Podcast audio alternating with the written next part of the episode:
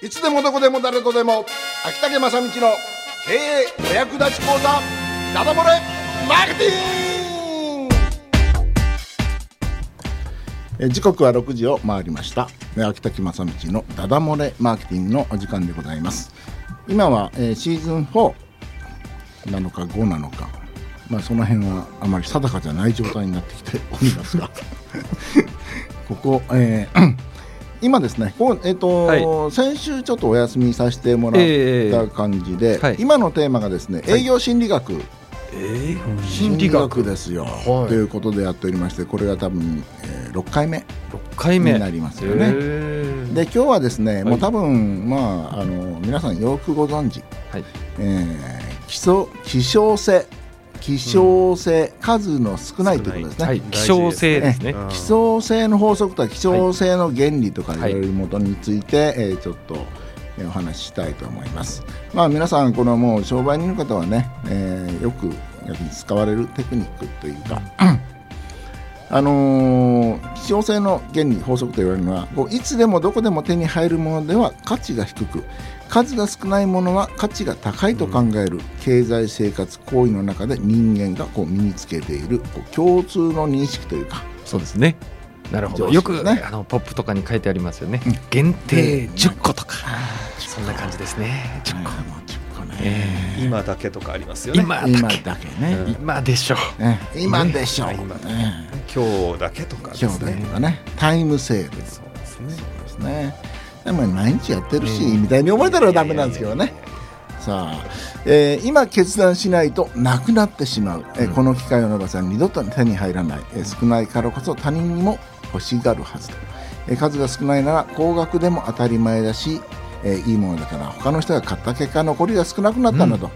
えー供給される数が少ないことには相当の理由があると考えて十分な検討をすることなく購入するという消,、えー消費行動が取れることになります。そうですね。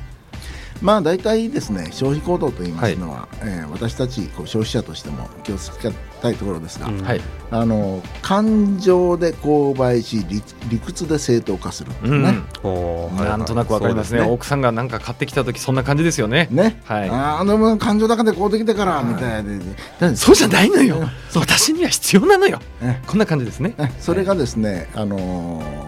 この番組でもよく言っております、はいうん認知的不協和の解消と申しますね認知的不協和の解 消。買って感情で買ってきてしまったがゆえに買ってきた旦那から、はい。なんでこんなもん買ってきたんかはっいてはい言った時に、ええ奥様は取ってつけた理由をね そうそうそうはい言い訳をしとっていうのがこれは、えーお互いに認知的にこう共和しとればあいいもん買ってきたねって言われるんだけど不協和が起きたもんですからそれをですね奥様はとっさの心理のもとに無意識のうちに取ってつけた言い訳を言い出すこれは認知的不協和の解消ですね。えーだから、えーまあ、そう考えるとですよはい。限定性とか、はいそれから希少価値はいに訴えて、うん売った場合によく、えー感情でね購買してしまうことうんがはい起こるわけですよ、そうですね。でそこをそのまま放置して家に帰らせると実は家庭不和が起きる可能性があるわけですなるほど。はい。だからう売り手としてはできるだけ家庭不安を、えー軟着陸させるような取ってつけた理由じゃなくてそれなりの理由を与えて帰らせる、なるほど。えここがですね自と自己正当化というものをですねそうですね。いやいや自己正当化をいかに助けるかということですねで。すねだからあのー接客の時にですね、はいえーレジのこうお金のやり取りが終わりましたら、さりげなく店員さんがですね、奥様今日はいいいい買買いい物物ををされましたさねれとま一言言えばですねあよかったんだと、だ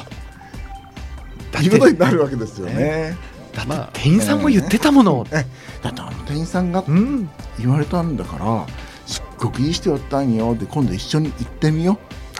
う素晴らしい。旦那に一緒に行ってみようって、あこのさ、うんあれ美味しいから一緒に食べてみたらいいよって、いやお前そんなこと言うてからそんな高いもん買うてきてから、俺の買い時はいつも、あのなんて言うかってはいはい。ね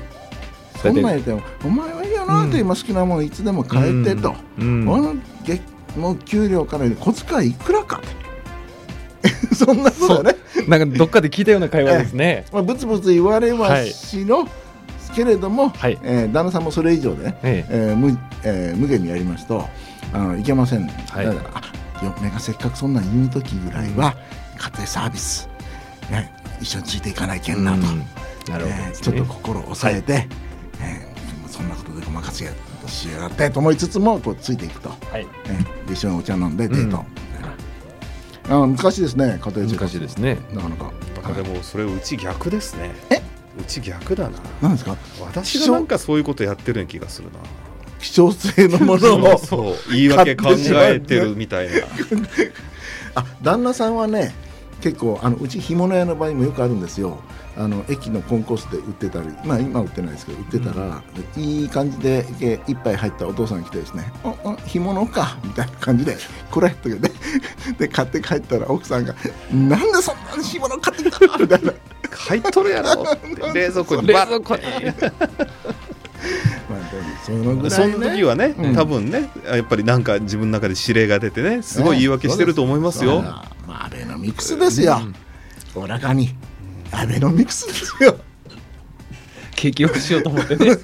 旦那さん旦那もさんもね無意識のうちにこの景気を良くしようと思って、そううそう地域活性化のために買ったんがなんか文句あるんかとんかですねそういうことをねきちんと言えるようなやっぱ自己正当 化、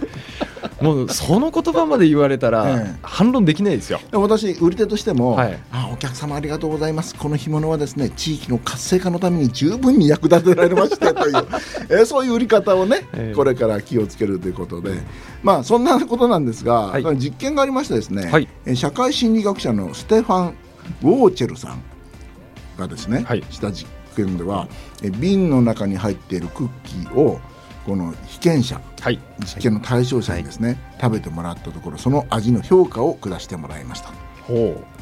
半数の被験者にはクッキーが10個入った瓶を渡しう。うん。それから残りの半数の被験者にはクッキーが2個しか入ってない瓶を渡しました、うん。さあ瓶の中のクッキーはどちらも同じものです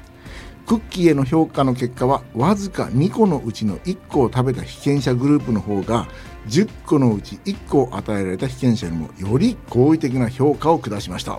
あ単純になるほど。何もそこは情報を与えずです与えねずに単に2個か10個かだけえで食べさせたところ、そうですね評価が違うってことでです。後でね美味しかったですか、どうですかっていう話ですよね、えーでさらに別の被験者が食べてしまったと2個の、2個入りの瓶を渡されるパターンが検証されて何も言われずに2個入りの瓶を渡された場合よりも好意的な評価が下された、あつまり他の人が買った残ったのがこれだけですよというふうにした場合には、なるほど。そうですねじゃあもうあれですね。宴会とかで10人くらいで飲みに行ったら、うん最後の2個うんなるまで待っとくと、まあより美味しく感じるっていうことですか。まあ店員さんとすればねはい。最後の2個はしっかりと取ってですねええ味わってもらった方がいいですよ、まあ全然違いますね。まあ 全然違いますね。はうんでまあそういうことですので、えーまあある面ねい。うん。男女の関係でもねうんうんうん。あったりするんじゃないですかね。あ、えそれは言えてると思います。うん男女の関係は絶対ありますよ。あのー例えば合コンとか行った時うんにうんうねんずらーっと10人並ぶより、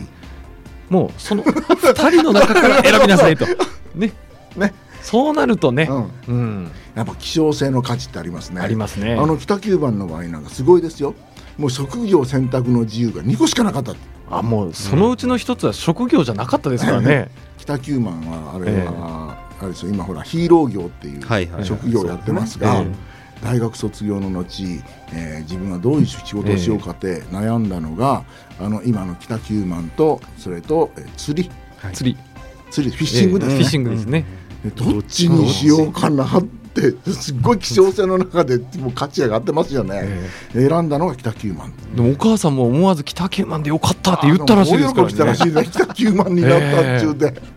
あれびっくりしましたね。あ北九万何なんでしょうね、最近なんか弟を巻き込もうとしてそれだけはやめてくれって母親に言われてるらしいですけどね やっぱり一体自分だけではええまだ力不足と、力不足、あー私たち2体になるのに、えええーと10 10年近くかかりましたね10年近くかかりましたはいねえー黄色とブラックが揃うのに10年近くかかりましたよ、えー彼はもうそれをもう3か月、まあ、半年まで半年までいってねないですね、 3か月ぐらいでクリアしますもうすでに見たえあーちょっと商売上のねええ理屈から言うと、はい成長曲線っていうのがありまして、はい一気にブームを迎えると、一気に衰退していくっていう、うんなるほどそうですね。ありますので、ちょっと危険な賭けですね。ああもう少しね、ええゆっくり緩や かに、そうですね。えー彼ヒーロー業ですね。はい一応ヒーロー業評論家のバナナマンですよね。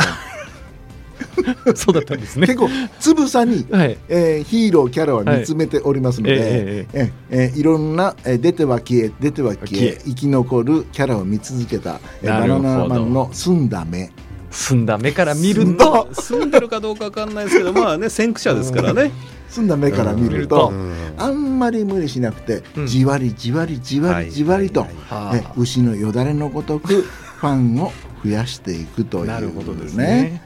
形がでね、すね。ええまあ、心の中ではね、うんまあ、ヒーローそんなにいらないから 北九まあ早めにみたいな 気持ちはあったりするかもしれません けど北九はそのえあれですか、もしかしてそのままその家業になってしまうんですかね。一家でやっていくみたいな。ああああもしかしたらお母さんおも母さんも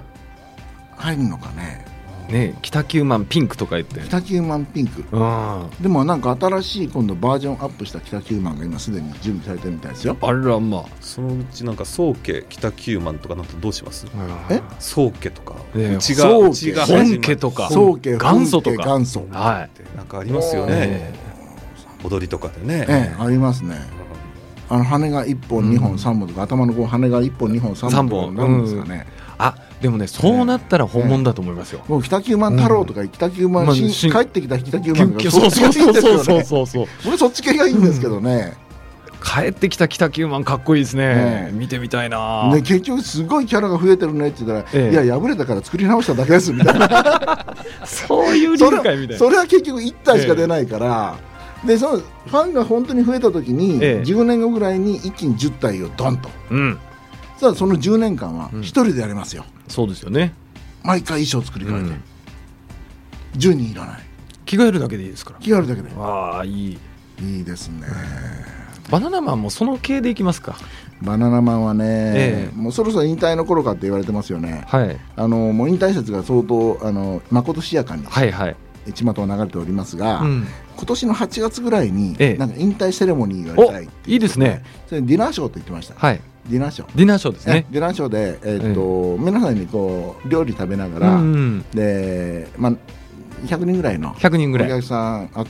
集めていただいて、ええそれでバナナマン漫才とかやりながら、ええーディナーショー豪華にディえナー豪ショ華ーにディナーショーをして、ええホテルのねうん一、室をお借りして、なるほどで引退宣言をするわけですねやるからって言ってました、でただ後継者が欲しいのではいはいで後継者をその時に、えー一応募集しまして、うんでその時に後継者が募集しなかったらうん、即刻あの保存会作るって言ってましたあバナナマン保存会を作るとこれ保存会は息長いですよ、はい。だから保存会は永遠に続きますからね。続きますよ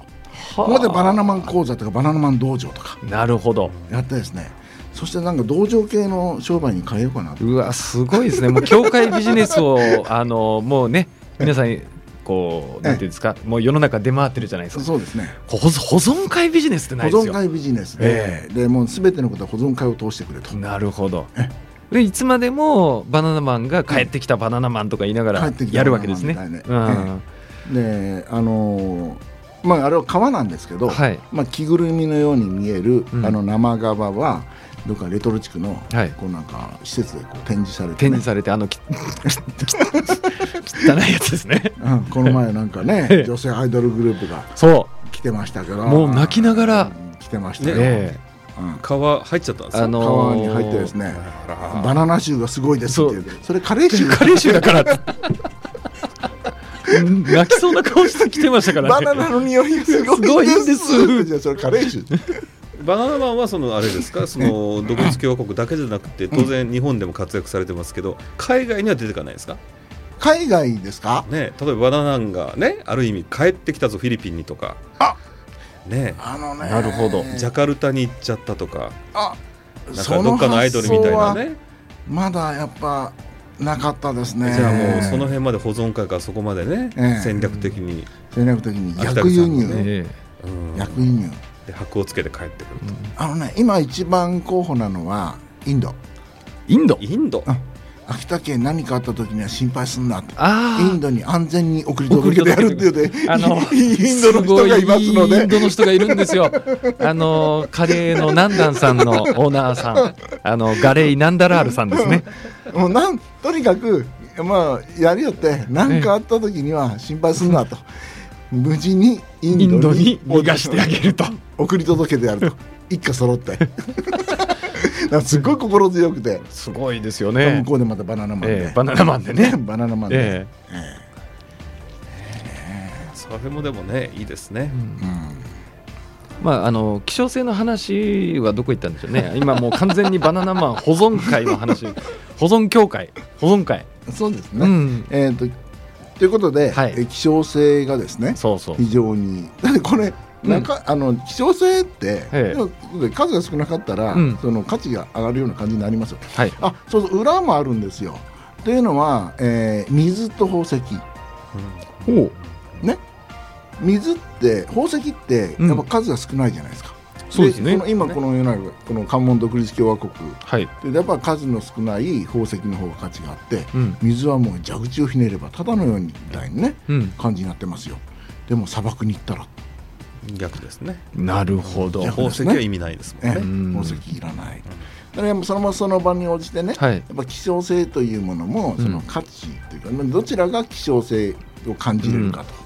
という世界になるので、というような、まあ、その裏返しみたいな話そうもですねあるので、はい。あの頭柔軟にお使いくださいということですね、はい。はい素晴らしい。上手に締めたところで、はいはい今日のえー秋田まさ秋竹正道のダダ漏れマーケティング、えー営業心理学、うん希少性についてのお話でした。